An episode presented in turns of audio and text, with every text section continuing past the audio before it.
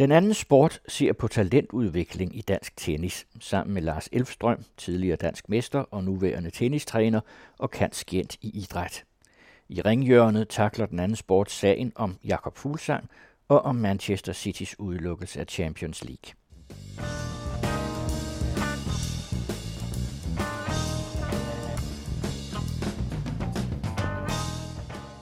Velkommen til den anden sport på den anden radio. Mit navn er Søren Riskær. Og jeg hedder Lars Andersen. Og med i studiet i dag har vi også Lars Elstrøm. Velkommen. Tak. Lars er dansk mester 24 gange, har været professionel tennisspiller og er nu træner i Lyngby Tennisklub. Han er også kendt i idræt og biologi og har undervist i mange år. Men i lige så mange år har du været en uophørlig og hård kritiker af Dansk Tennisforbund. Hvad er der egentlig galt med dansk tennis? Ja, altså over en bred front. Ja, vi kan, ja. vi kan starte, og så kan vi Ja, men det, det er jo sådan noget med, at øh, der er nogle mennesker, der træffer nogle beslutninger for nogle aktive. Øh, nogle beslutninger, som de ikke har forstand på, og det betyder, at de aktive ofte ligger under for nogle af de der, og kommer til at gøre noget andet, end de reelt vil og burde gøre og sådan noget. Ikke? Altså, der er sådan noget magtmisbrug i det nogle gange. Er det ikke en meget hård påstand, at jo. de ikke har forstand på det? Jo. Skal jeg uddybe det? Ja, tak. Jamen altså, det er, jo, det er jo den gamle historie om, at, at frivillige idrætsledere kan jo bare melde sig til at blive frivillige. De behøver ikke have nogen viden om det. De behøver ikke have nogen viden om tennis, og de behøver ikke engang have viden, noget viden om idrætspsykologi, altså hvad det er, der driver folk, og hvad der er for almindelige mennesker til at spille tennis. Ikke? Hvor det sjove ligger og sådan noget. Ikke?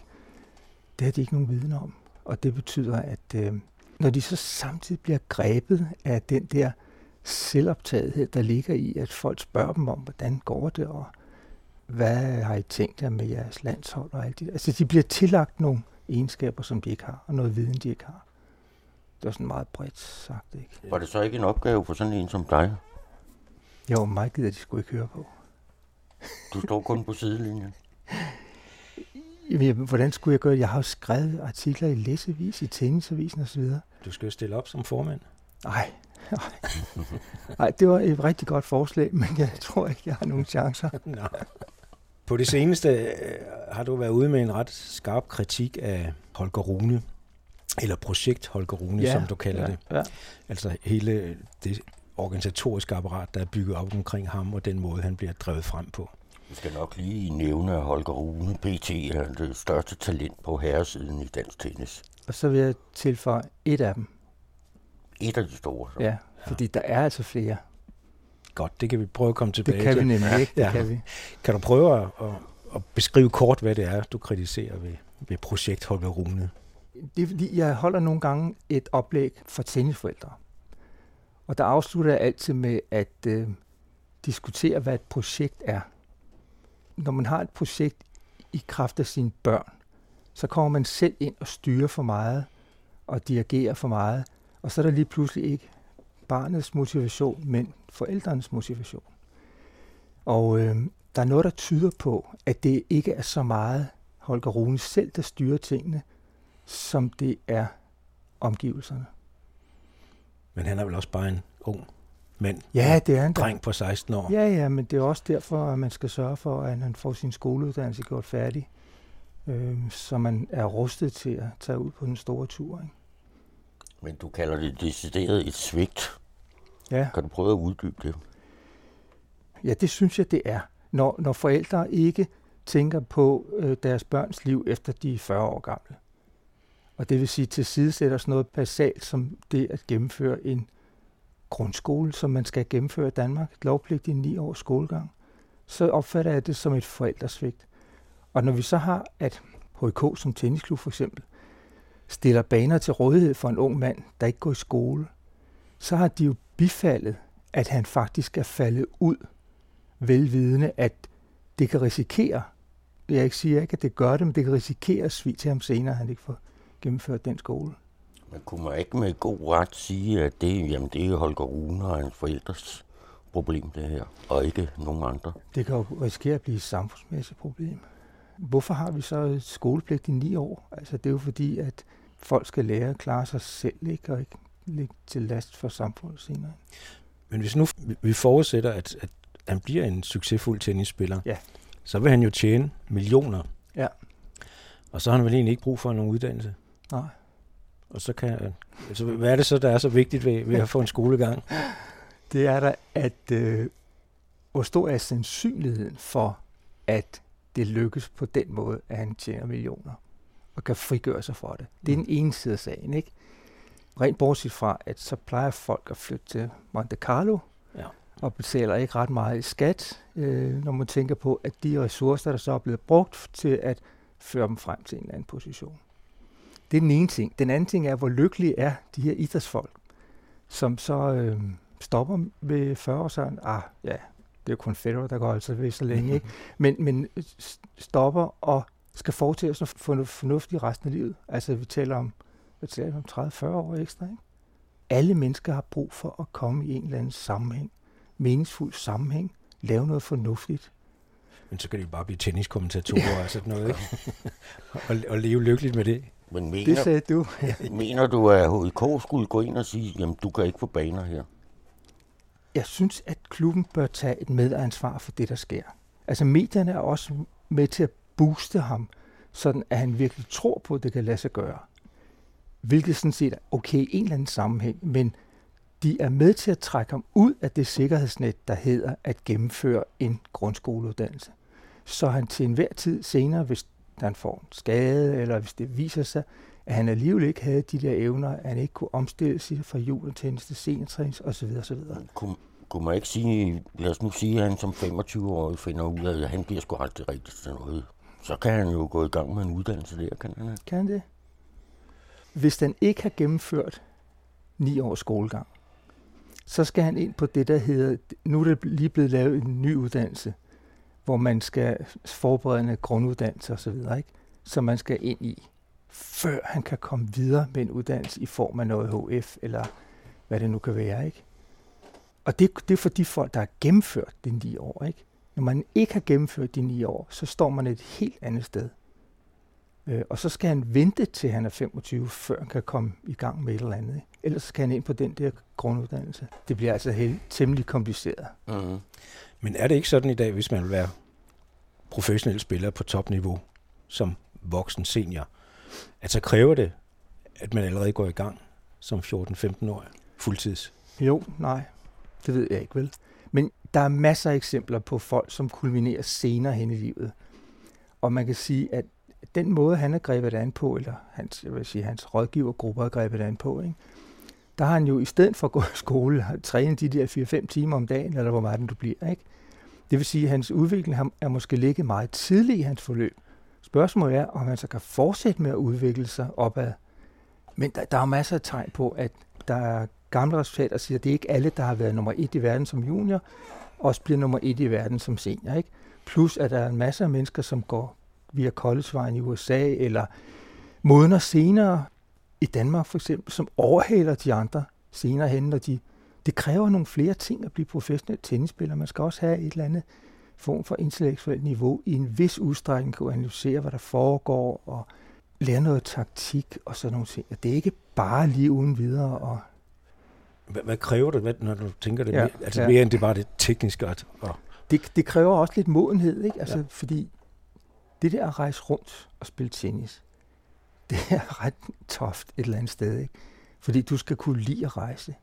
Du skal kunne lide at bo på hoteller hele tiden. Du skal være god til at bruge fritiden fornuftigt. Du skal have nogle sociale kompetencer, sådan at du kan socialisere lidt med dine kollegaer, de andre tennisspillere. Man skal kunne vinde tenniskamp nede på bane 48 uden publikum.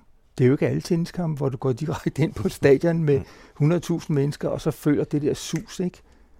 Jeg- spekulerer lidt på Holger Rune der. Er han et enkelt tilfælde i dansk tennis, eller er der andre, der også ligesom går den samme vej, som han går? Øhm, mig bekendt, så er der ikke andre, der har droppet folkeskolen på den måde, som Holger Rune gør. Og det gør en situation lidt speciel. Og så er det godt at være, at han også samtidig er ualmindeligt talentfuld. Det tvivler jeg sådan set ikke på, at han er. Men det, jeg prøver at sige noget om, det er, at der er altså et vist antal forskellige risici, når man dyrker noget med kroppen på den måde, som man prøver at komme til tops på. Ikke? Og derfor synes jeg, det er rimeligt som samfund, at vi sørger for, også kommer kun Team Danmark komme ind i billedet, ikke? at sørge for, at han rent faktisk gennemfører sit grundlag for det, sådan at han altid vil kunne komme tilbage til et eller andet fornuftigt liv i en anden sammenhæng, skulle det ikke lykkes for ham. Men hvorfor går Dansk Tennisforbund ikke ind og siger, at vi er nødt til at løse det her problem? Eller, eller Team Danmark, det er jo deres opgave at sikre, at de får en uddannelse. Team Danmark har jo i princippet ikke noget med, med folkeskoleniveauet at gøre. De støtter jo først for gymnasieniveauet. Ikke? For de støtter jo ikke tennis i øjeblikket. Nej, det gør de ikke. Men så har de til gengæld nogle elitekommuner, mm. hvor Gentofte er en af dem. ikke. Og Gentofte har så valgt også at støtte tennis. Så det, og det gjorde det blandt andet ved, at der er en idrætsskole, hvor Holger Rune blev overflyttet til på et bestemt tidspunkt fra sin gamle skole. Ikke? Og hvor jeg så har hørt, og det kan jeg med alt, hvad der indebærer i det, man hører, ikke? at han ikke har været der ret meget. Så det falder tilbage på Gentofte Kommune og skolevæsenet der. Ikke? Mm. Og hvordan de har reageret over situationen, det kan jeg ikke udtale mig om. Det ved jeg ikke. Men det falder vel også tilbage på HIK og Dansk Tennisforbund? Ja, det synes jeg, fordi... Fordi det er jo ligesom dem, der har ansvaret for både at udvikle elite og bredde i dansk tennis. Ja. Og, og ja, det synes jeg også, det er, fordi de er også med til at stimulere drengens lyst til at droppe skolen, ikke? og så gå efter at blive fuldtidsprofessionel allerede som 16-årig. Ikke?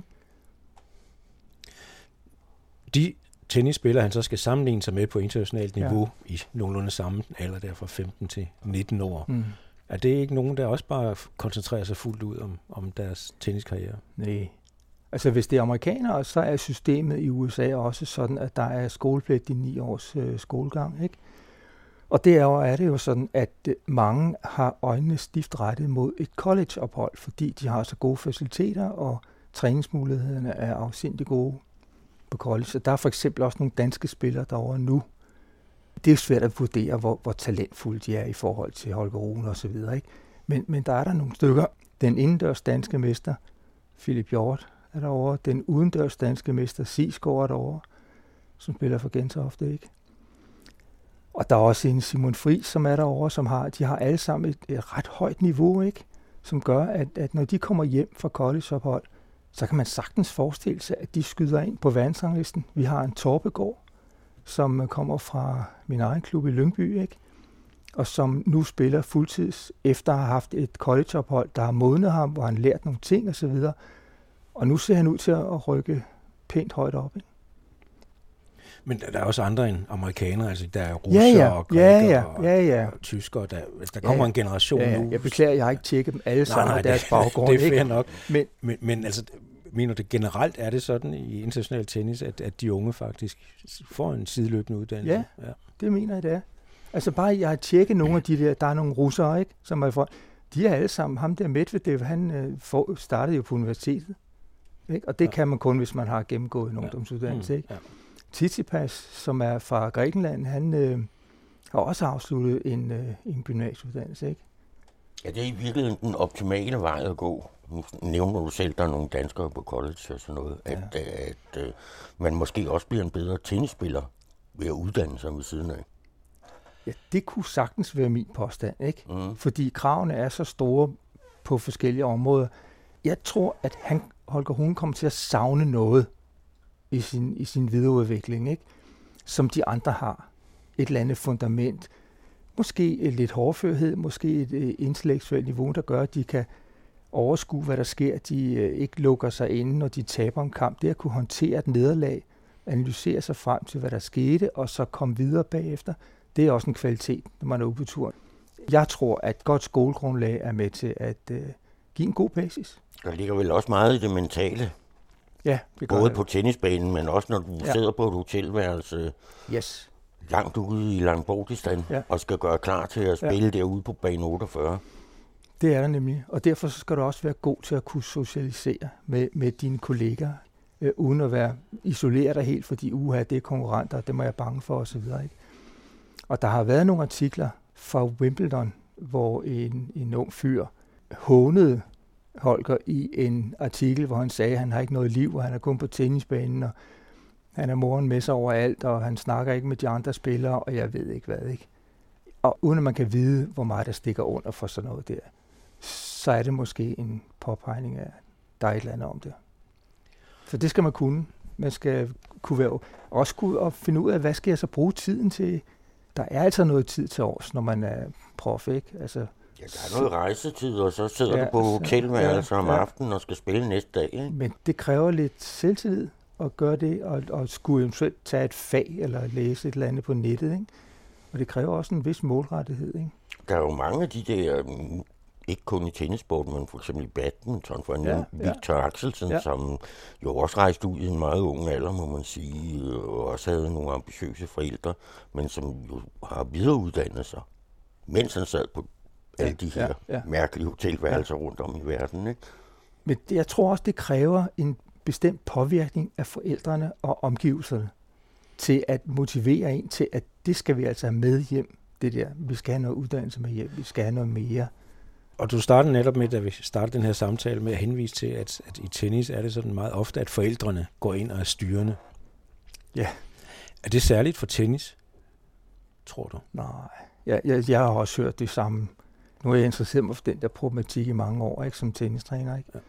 Øh, jeg tør også i fodbold, hvor forældrene ser sig fuldstændig vanvittigt. Ikke? Altså, det er et eller andet i tiden, ikke? at alt den fokus, der er i medierne på personer, så er det sgu svært for forældrene. Ikke? Hvis de ovenikøbet selv bliver lidt sådan øh, faldet på halen over, hvad deres børn egentlig kan, ikke? så er det let at, at sådan blive revet med i, med i den. Ikke? Men, men vi ser jo tit tennis spillere netop bliver coachet af deres far, ja, som regel. Ja, Nogle ja, gange af moren ja, også. Ja. Det ser jeg ikke i andre idrætsgrene. Er der et eller andet Nej. særlig kultur i, i tennis? Det ved jeg ikke. Men, men det er stærkt uheldigt, at det er sådan, ikke? Men det er jo tit mange af de der spillere på topplan, ikke? At det er farmand, der ja. står ved sidelinjen. Du kan bare nævne Karoline, ikke? Altså, Williams ja. søstrene, det ja. samme, ikke? Ja, ja. I sin tid i hvert fald. Ja, og gå helt tilbage til Agassi, som havde en forælder, og Jimmy Connors, hvis mor stod og råbte og skreg. Altså, og Agassi har skrevet, ja. endda skrevet en bog om det. Ja, ja, hvor han også indrømmede doping. Ja. Meget interessant. Ja. Er der generelt en uheldig kultur i tennissporten? Det kan godt være, at fordi man starter så tidligt, altså bilder forældrene sig ind, at de er nødt til at støtte og bakke op øh, et stykke af vejen, og så kan de ikke rigtig løsrive sig fra det, og så bliver de hængende, fordi de jo også får noget fokus. Og så er der mange noget penge i det. Ja, det er rigtigt. Så altså, det, det kan blive en levevej også for ja. forældrene. Ja, det kan det nemlig ikke. Så, så er det jo, at vi taler om et projekt, fordi så bruger de jo bare som redskab, dybest set. Ikke? Ja. Og det er du også inde på i den der artikel om Holger Rune, ikke? Altså, at der er ligesom en selvforstærkende proces i gang med, at de ja. skal overbevise omverdenen om, ja. hvor god han er. Ja, og så selv måske også i virkeligheden. Ikke? Altså, de ved jo ikke rigtig noget om det der. Altså, de kan jo ikke vide, hvor god han er. De er nødt til at støtte sig op af nogen andre mennesker, som beredvilligt udtaler, fordi de er selvfølgelig en del af det, og der går den, de der historier om Bollettieri, nu ved jeg ikke, om vi kender Bollettieri, mm. en stor øh, træner. træner i USA, som har havde et... Øh, i Florida. I, ja, i Florida ja. havde et akademi, ikke? Og Christian, jeg trænede der en måned, den der pause om i december måned, ikke? Så vi har trænet på det der akademi. Ikke? Og de historier går altid på, at han er fantastisk som organisator, og til at snakke om forældrene og sige, ved I hvad, I har et barn, der er virkelig talentfuld. Mm. Ikke? Det, det vil være synd ikke at udnytte de der evner. Ikke? Hvis jeg får lov til at arbejde lidt med ham eller hende, så kan jeg lave en stor spiller ud af dem. Mm. Og så hopper folk i med begge ben. Ikke? Mm. Det er vel også meget naturligt. ja, det er det. Men Hvis man hører, at en søn eller datter er et helt unikt talent. Ja, men ja, det er også rigtigt. Men der mener jeg, at man som forældre burde se en lille smule mere langsigtet på sin børns udvikling og overlevelse og glæde osv. Ikke? Altså, hvis man skal rådgive sine børn, så du giver dem heller ikke øh, vingummi hele dagen, vel? Selvom de gerne vil have vingummi at spise i stedet. Så, jeg synes, der er nogle ting, hvor man går ind og siger, det duer altså ikke det her. Ikke? Jeg undrer mig lidt. Nu kommer du med sådan en indlæg i tennisavisen, og du er forholdsvis kontant, må vi sige, i det her indlæg. Det altså, hvis, jeg, hvis jeg sad som formand i den tennisforbund, så ville jeg sige, Håben, hvad er det her for noget? Det bliver vi nødt til at undersøge. Ja. Hvorfor gør man ikke det? Ja, det gør man forhåbentlig også nu. Altså, det håber jeg da, at man gør, ikke? Jeg ved, at Gentofte Kommune har også set indlægget og øh, undrer sig også lidt over det. Så, så det, det, det kan jo være, der sker noget nu. Der må jo også sidde i skolevæsen med røde ører. Ja, det tror jeg også, der gør. Men altså spørgsmålet er, er det kun den her enkelte sag, eller er det generelt inden for, for dansk tennis, at der Nej, er de her det- udfordringer? Det er kun den her enkelte sag, tror Okay, jeg. ja. Det, er, det er jeg forholdsvis sikker på. Ja. Fordi i dit oplæg snakkede du om den danske model, ikke? ja. Men den danske model er jo næsten ligesom den amerikanske model, i og med, at der er virkelig mange spillere, der skal, de gør sig enormt umage for at få karakterer i gymnasiet osv., så, videre, så de kan komme ind på et college. Mm. Fordi der har de træningsmulighederne, ikke? Og forældrene synes, det er en rigtig god ting, at de kommer over og lærer lidt sprog og så videre, ikke? ja, fordi vi bryster os jo af en særlig elitidrætsmodel i Danmark. Ja, Som også har socialt ansvar og så Ja, videre. ja. Og så videre. Ja. og det var så det, jeg startede med at Det stille er hele spørgsmål. menneske. Ja, Ja. det hele menneske, ja. Det er meget smukt. Mm. Men det er jo så det, jeg startede med at stille spørgsmålstegn ved, ikke? fordi det undrer mig, at der ikke er nogen, der siger, hov, stop, hvad sker der her? Ikke? Men jeg ved så i praksis ikke, hvad der sker, hvis en dreng bliver væk fra skolen. Altså, hvordan, hvordan i alverden... Man kan jo ikke tvinge dem til at komme tilbage til skolen. Så er der måske nogle, nogle forholdsfaser, som jeg ikke ved noget om, og som man ikke vil fortælle noget, eller kan fortælle noget om, hvad man har gjort i forhold til at få ham tilbage i skolen. Men jeg vil godt lige vende tilbage til det her hele menneske, Ja. som det så smukt hedder. Når man dyrker eliteidræt på det her plan, Mm. som, som Holger Rune er på vej til, men som Ja, du også ser ja. i fodbold og håndbold Ja, og alle ja. mulige sportsgrene, er det så ikke virkelig en meget naiv tilgang at have det der begreb, det hele menneske? Fordi man bruger så meget af sin tid på eliteidræt, på at spille fodbold eller spille tennis og så videre og så videre. Måske. Altså, sporten bliver jo mere, at der er jo mere og mere underholdning, ikke? Altså, øhm, og det er jo næsten ligegyldigt, hvor, hvor afstumpet sporten er, ikke? Det, det fungerer stadig som underholdning, ikke? Du har cykelsport med alle deres doping-ting, ikke? Og der skulle aldrig være så meget cykelsport i fjernsyn, som der er nu på flere kanaler på en gang, ikke? Mm. Men elitesport i dag er jo showbiz, ikke? Ja, og og er en kæmpe pengemaskine. Ja. Ikke kun Nej. for den enkelte atlet, men også på alle fødekæderne i det her, ikke? Fra klubejere Ja, ja, ja. og så videre, så videre. Ikke? altså tager du tennis i dag, ikke? Du har en masse tennisspillere. Det lokker jo en hel masse spillere til, som er atleter. Tidligere var det boldspillere, der kom. Nu er det atleter, og de lærer så gennem optræning at ramme bolden. Og så går de ud, og så er det deres overlevelse. Så kæmper de røven ud af bukserne, ikke? Og så slår En, de hårdt. en forhånd og en baghånd. Pum! Hele tiden, ikke? Og så skal man være god for at kunne komme igennem det der. Og vinde over de der folk, det kræver virkelig noget. Selvom du er en boldspiller, der kan sådan lidt, øh, lidt sjove ting og sager, ikke? Hvornår, Men det er jo ikke så morsomt at kigge på, vel? hvornår er det skift er sket fra Godt. boldspil til, til fysisk spil? Der er jo sådan en udvikling, en Ja, ja, er. udvikling Ja, det er i, i rigtigt. tennisspillet, Ja. ikke? Som Det- kunne være interessant, hvis du kunne prøve kort at Ja, men beskrive det, den. det er sandsynligvis sket med de stigende pengepræmier, ændringen i øh, redskaber, de nye catcher, der kom frem, Mm. med lidt større hoved og så videre, som er begyndt at kunne slå mere topspin. Man har altid kun slå topspin, men i begrænset omfang, ikke? Øh, de nye redskaber gør, at man kan sl- slå hårdere, ikke? Så på den måde er banen ligesom blevet mindre i en eller anden forstand, ikke? Altså, det som at høvler topspin for fuld kraft, og så dukker den ned på banen, ikke? Men er det i virkeligheden ikke en udvikling, der har stået på længe? Jo, det er det. det, Altså, er jeg det. tænker på sådan nogen som Bjørn Borg, for Ja. eksempel, Jamen, som det startet der. var en meget fysisk betonet spiller. Ikke? Ja, Han kunne ja. stå der på baglinjen Ja, og blive ved og blive ved og blive ved. Ja, ja. Vil, vil det sige, at de der kunstnere, eller hvad man skal kalde dem, en type som Torben Ulrik og sådan noget, dem vil der slet ikke være plads til i international tennis i dag. Nu er Torben jo noget helt specielt, kan man sige, ikke? Så han ville sgu nok Han var også kun et eksempel. han har måske ikke blevet den, han er nu, hvis han havde levet i dag, ikke? Mhm. Men der er ikke mange af den slags spillere. Der er nogen, øh, men der er ikke mange af dem, vel? De bliver renset ud i juniortiden. Men er det ikke meget kritisk i virkeligheden for elitesporten? Ikke Jo. kun tennis, men Jo, generelt. Du men det jo det ser hele- det også i fodbold, at det Ja. blev utrolig fysisk. Men det var, jo, ja, og det var det hele menneske, du snakkede om. Ja. ikke? Fordi underholdningsværdien bliver større, hvis der er nogle flere, der kan noget, noget spøjs noget, ikke? Jo. Nogle flere, der kan fortælle noget morsomt om, hvad der sker, i stedet for alt det der banale plader med, hvad følte du, da du knaldede ja. Den op i trekanten og sådan nogle ting, ikke? Jeg blev så lykkelig, ikke? Altså, hvis man kan formidle en lille smule at det, de rent faktisk fornemmer, og den måde, de arbejder på, og hvad de får ud af det, ikke? Så bliver det jo mere spændende, og som Det kan du- underholdning. Kan du jo også se i fodbolden. Ikke? Man Ja. ja. bliver jo helt overrasket, hvis der er en fodboldspiller, som siger noget fornuftigt. Det er forfærdeligt, at det er sådan. Men betyder det, at, at tennisspillets sjæl er, er ved at forsvinde? Kan man sige det? Altså, der har jo altid været forbundet et eller andet sådan omkring den, Ja, ja, hvide, den hvide sport Ja, ja, og tennis, Ja, ja, og ja. ja. det er jo den eneste øh, sport, hvor tilskuerne holder mund, mens der bliver spillet. Ja, det er Hvad jeg egentlig aldrig har forstået. Mm, nej, det er jeg. Hvorfor så? Ja, det er jo fordi, at catcheren er ret tung. Det er jo ikke badminton. Altså forstå på den måde, at badminton som, som teknisk øh, er væsentligt nemmere på de lavere niveauer end tennis er, fordi catcheren er så tung, og bolden er hård, og øh, hvad hedder det, kontakten til strengene er, altså, der er større muligheder for at lave fejl. Så det er lidt mere sensible tennisspillere. Ja. den køber du ikke, kan jeg se Nej, dig. ikke helt. Nej, det er sjovt. Vi er meget sårbare. Ja.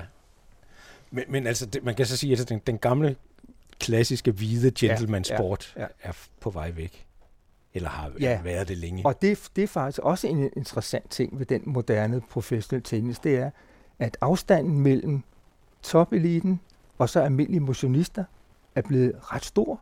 For eksempel er underviser træner jo motionister i at spille med sådan et topspins forhåndsgreb, ikke? Som de aldrig nogensinde kan lære at bruge, Mm. fordi det kræver enormt mange kræfter, som går til spilde i, i kraft af noget boldrotation. Altså, det vil sige, at man skal holde catcheren på en bestemt Ja, på en vinkel. bestemt måde, Ja. ikke? I stedet for at holde den ligesom den gammeldags, ikke? hvor man må slat, flat til bolden og har nemmere ved at ramme den, så kan man øh, spille gammeldags tennis, man kan placere den, man kan flytte den rundt, man kan loppe, man kan lave alle mulige sjove ting. Det var sådan, man spillede i gamle dage med de små trækætter, ikke? Der spillede man sig frem til nogle chancer, ikke? I dag smadrer man løs, ikke? Og det gør altså, det begrænser underholdningsværdien. Det gør det bare. Mm. Det er derfor, vi falder i svime af, når en gang man ser en, der kommer til nettet og laver en lækker volley, eller laver en stopbold osv., ikke? så sidder man og jubler, ikke? Hvem er interessant at se på i dag, synes du, at, at, at top-tennisspillerne? Jeg har jo en, øh, som er min store favorit, det er Ashley Barty hos kvinderne, ikke? Ja. Og herrene ved jeg siger jo, Federer selvfølgelig er jo fabelagtig stadigvæk, ikke? Altså, det er han bare ikke. Øhm, Hvad er det ved Ashley Barty? Hun er så en... en, fordi hun kan det ung- hele. Ja. Hun kan det hele. Og hun virker rimelig afslappet og meget sympatisk, ikke? Hun kan det hele. Hun kan slice sin bag, hun kan trække tempo ud af den. Hun kan slå vinder, og hun kan serve og flugte. Altså, hun, kan, hun har hele registret. Mm. Det betyder, at det bliver sjovere at se en spille. Der er flere muligheder. Muligheder, hvor man som motionist siger, hold da kæft, kan man det, ikke? Mm. Mm. Og det var det, Torben også kunne, ikke?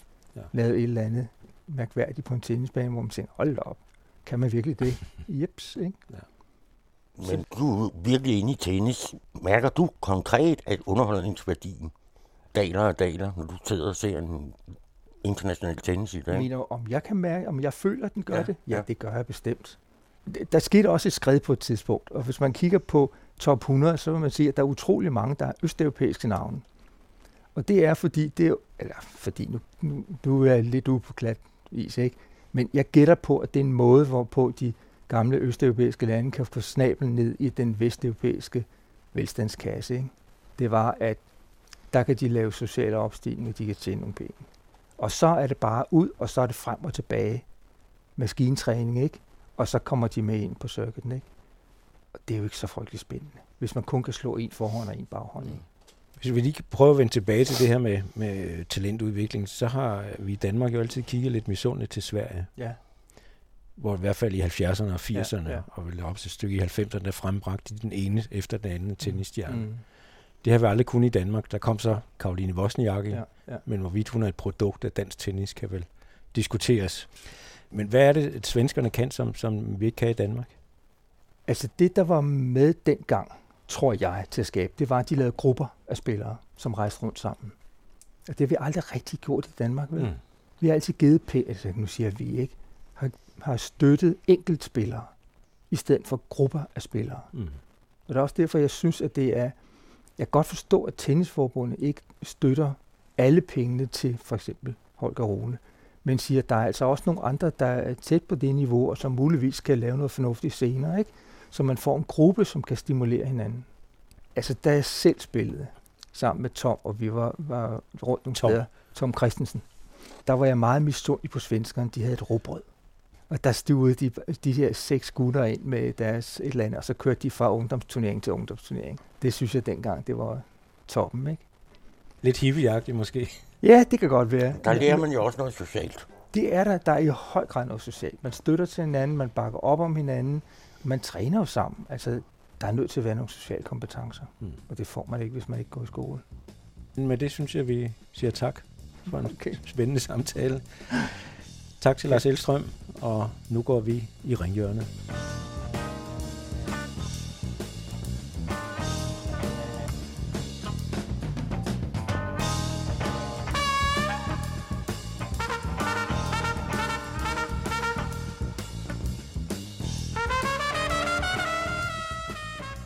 Så er vi gået i ringhjørnet. Øhm, og den første sag, jeg godt kunne tænke mig at bringe op, det er øh, sagen om Jakob Fuglsang, som for nogle uger siden i medierne blev forbundet med den italienske dopinglæge Ferrari. Og han er ikke en hvem som helst. Det er han ikke. Øh, sagen fik meget, meget, meget stor opmærksomhed i medierne. Den blev, var breaking nærmest både i Danmarks Radio og, og politik. Og politikken og norske VG. Ja. Ferrari har en livstidsudelukkelse fra øh, al alt cykelsport, så derfor er det at være forbundet med ham på nogen som helst måde, det er forbudt. Der, man skal sige, der var jo ingen konkret anklage om egentlig doping. Det var bare, at han var blevet set med ham. Senere viste det sig så, at, at øh, der var blevet gennemført en ekstra øh, efterforskning af et uafhængigt dopingenhed under den internationale cykelunion, og de måtte så konkludere, at der var ikke grundlag for at gå videre. Så ret beset var der ikke ret meget på den historie. Men den gav så anledning til en stor efterrationalisering blandt sportsjournalister. Og det er den, jeg synes, vi godt vil tage fat i i dag. Og som tidligere sportsjournalist og redaktør vil jeg godt spørge dig, Lars. Synes du, at det var en fair og rimelig behandling, Jakob Fuglsang fik af, altså, jeg, af sportsjournalisterne? Jeg har meget blandet med den historie, må jeg indrømme. Et eller andet sted er den jo ulykkelig, uanset hvilken standpunkt man tager. Fordi det er ulykkeligt for Jakob Fuglsang, forudsat at han intet har med doping at gøre. Mm.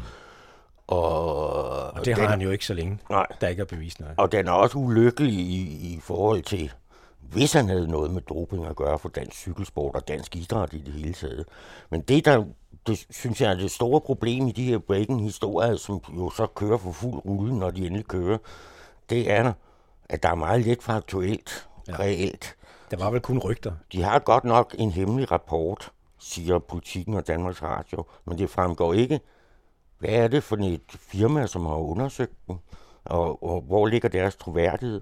Så siger man, at der er nogle kilder, 12 stykker, så vidt jeg husker, som angiveligt skulle have set Jakob Fuglsang snakke med ham her, mm. dopinglægen. Men der er jo ingen af dem, der træder frem med navn. Nej.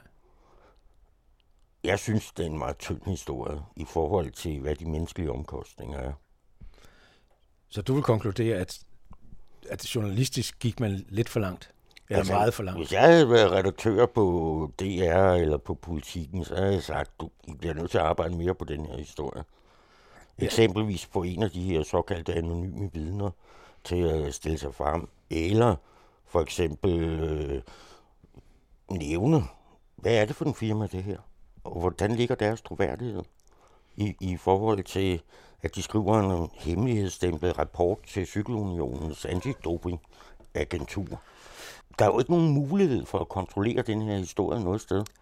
Men, man kan ikke sige, passer det eller passer det ikke. Nej. Det ved man ikke. Men, men kan man ikke på den anden side sige, at hvis ikke journalister nu siden 90'erne havde båret historier frem på rygter, så havde vi ikke haft nogen dopingafsløringer i dag. Altså hele den journalistik, der har båret dopingafsløringerne frem, er vel baseret på rygter og von Hørensagen, ja. før det så kommer til nogle erkendelser. Eller noget, man har fundet i skraldespanden og så videre, ja. ikke? hvor der ligesom har været noget mere faktuelt. Ikke? Man fangede også en senior fra Festina på et tidspunkt på grænsen mellem Belgien og Frankrig. Ja, det var så politiet. Ja? Ja. ja, ja, men der er jo noget faktuelt. Her kan man ikke engang gå ind og sige, hvad er det for en firma, der har lavet den der? Og hvor troværdige er de i forhold til, at de har nogle anonyme kilder, som måske, måske ikke har set Jakob Fuglsang snakke med en læge på en café et eller andet sted. Men der var heller ikke noget faktuelt om Bjarne Ries, før han selv indrømmede det mange år efter hans Nej, karriere.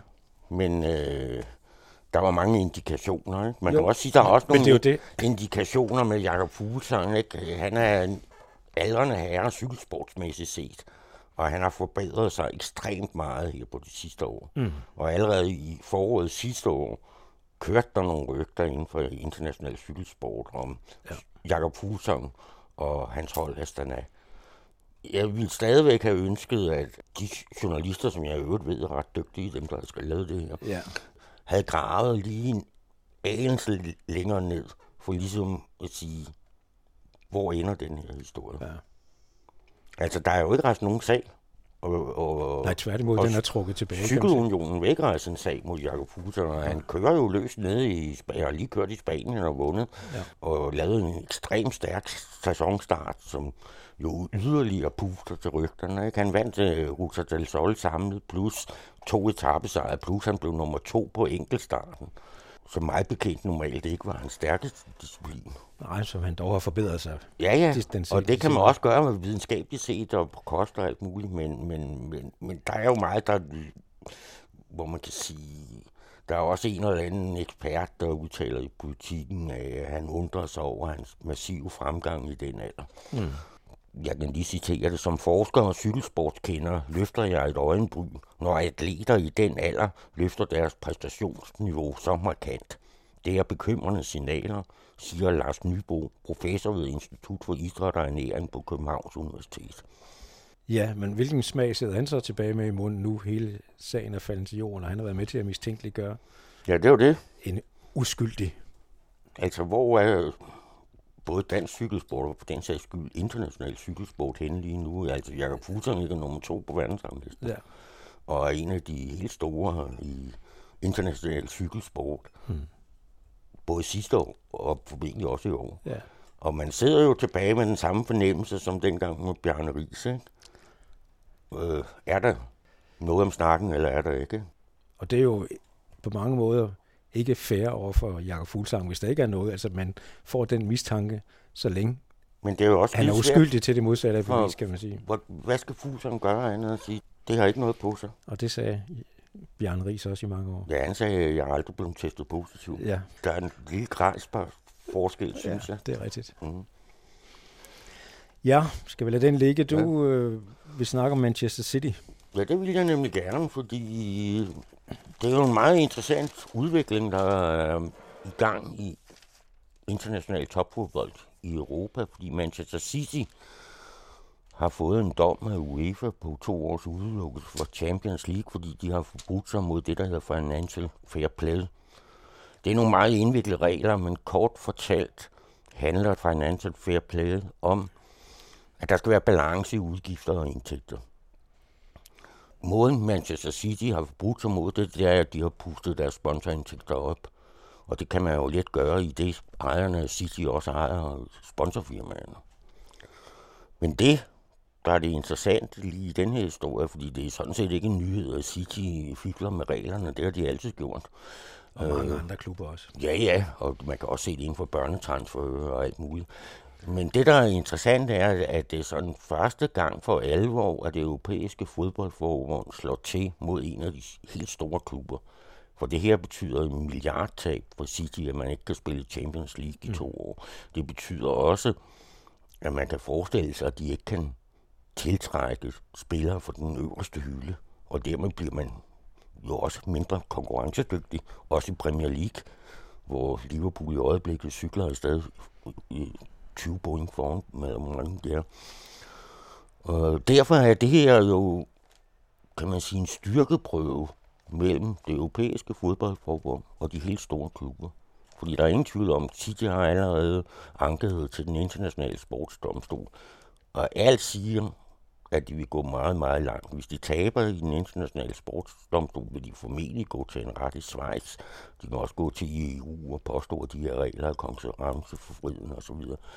Og det puster jo til hele den debat, der har været de sidste par år mellem de store, helt store klubber i europæisk fodbold og forbundet.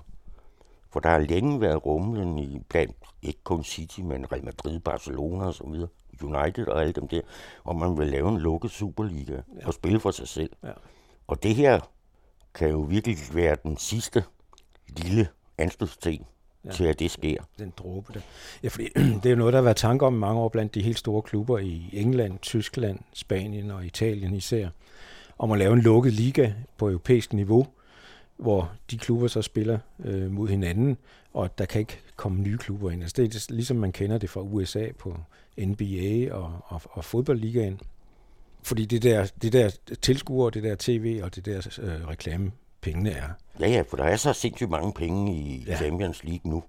Og det vil der også være i en Superliga, hvor man kan sige Real Madrid, Barcelona, United, Liverpool, ja. Bayern München og hvem der ellers er, møder hinanden uafbrudt. Men, og det vil jo fjerne hele grundlaget for den organiserede fodbold, kan man Netop. sige. At de nationale forbund, der er organiseret i det europæiske øh, forbund UEFA, og de nationale ligaer, hvor man kvalificerer sig til Champions League. Her vil det så blive en lukket liga, hvor man ikke kan kvalificere sig, men hvor det kun er, er de klubber, som nu engang er med, der, der spiller mod hinanden. Og det vil løsrive de klubber fra hele det europæiske fodboldsystem, hele den europæiske sportsmodel. Ja, du vil i virkeligheden få en, en, en, en helt ny slags fodbold, ja. som ikke har noget øh, forbindelse ned til fødekæden. Ja. Og, og, og ned til de nationale forbund og det europæiske forbund. Og UEFA's modsvar har jo hidtil været at sige, hvis alle spillere, der spiller i den liga, de vil så ikke kunne repræsentere øh, landet, altså komme på landsholdet, og øh, så må de jo så prøve at lave en, noget alternativt på, på andre måder. Det kan jo blive interessant, hvis det i virkeligheden skete. Det vil blive rigtig interessant. Øh, hvis Real Madrid og Barcelona spiller ikke længere kan spille på det spanske land, så er det, ja. det er gyldne tider for Danmark. Så. Ja. Men det kan også blive interessant i forhold til netop EU, øh, fordi der er øh, sporten jo indskrevet i EU-traktaten, netop med det forbehold, altså alle, alle reglerne om fri bevægelighed og, og, og så videre, det gælder jo selvfølgelig også for, for sporten, men der er det forbehold, at, at øh, man skal tage hensyn til sportens særlige karakter. Mm. Og det er netop baseret på den europæiske sportsmodel, hvor der er en sammenhæng, kan man sige, og en solidaritet fra top til bund, som man hævder. Det kan man så diskutere om det. Det, det kan man gælder. diskutere meget voldsomt. Men, men det er i hvert fald udgangspunktet for den ja. bestemmelse. Ja. Godt, det bliver meget spændende at følge. Det sidste, jeg bare lige kort vil bringe op, det er folkeskolereformen. Og nu er vi så i den helt anden ende af, af skalaen. Det må man sige ja til. Øhm, fordi der har den senere tid jo været ryster fremme over en bred politisk front om, at, at øh, man må tage den der folkeskolereform op til revision, og først og fremmest lave en kortere skoledag. Og det kan der være mange gode grunde til, men jeg synes alligevel, det øh, rejser en vis bekymring, fordi en af de helt store fortjenester ved den folkeskolereform, vi fik senest, det var jo, at man indførte et krav om, at alle skoleelever skulle være fysisk aktive minimum 45 minutter hver dag. Og folkeskolen er det eneste sted, hvor man sikrer, at alle børn, alle børn kan være det, fordi alle børn kommer ikke i idrætsforeningerne. Så derfor synes jeg, det var en, en, en fantastisk øh, stort fremskridt, at man lavede øh, det krav. Problemet har så været, at, at øh, mange folkeskoler konkret ikke har været i stand til at løfte det krav. Faktisk har det kun været halvdelen af skolerne, der har været i stand til at, at, at gennemføre det. Den øvrige halvdel har, har ikke været det. Men hvis man nu så fjerner den lange skoledag, øh, og skolerne ikke er i stand til at integrere fysisk aktivitet i den øvrige undervisning, så synes jeg virkelig, at vi står tilbage med et, et kæmpe problem. Og vi har jo allerede et kæmpe problem i, at med halvdelen af skolerne ikke har løftet den opgave, og det er jo står meget skrald til med den fysiske aktivitet ja. blandt børn og unge. Lige præcis, og stigende overvægter og sådan nogle ting. Så herfra skal der i hvert fald lyde en klar opfordring til, hvis man går ind til en, en, en ændring af, af, af folkeskolereformen, at bevare kravet om minimum 45 minutters fysisk aktivitet hver dag. Og med det siger vi tak for i dag.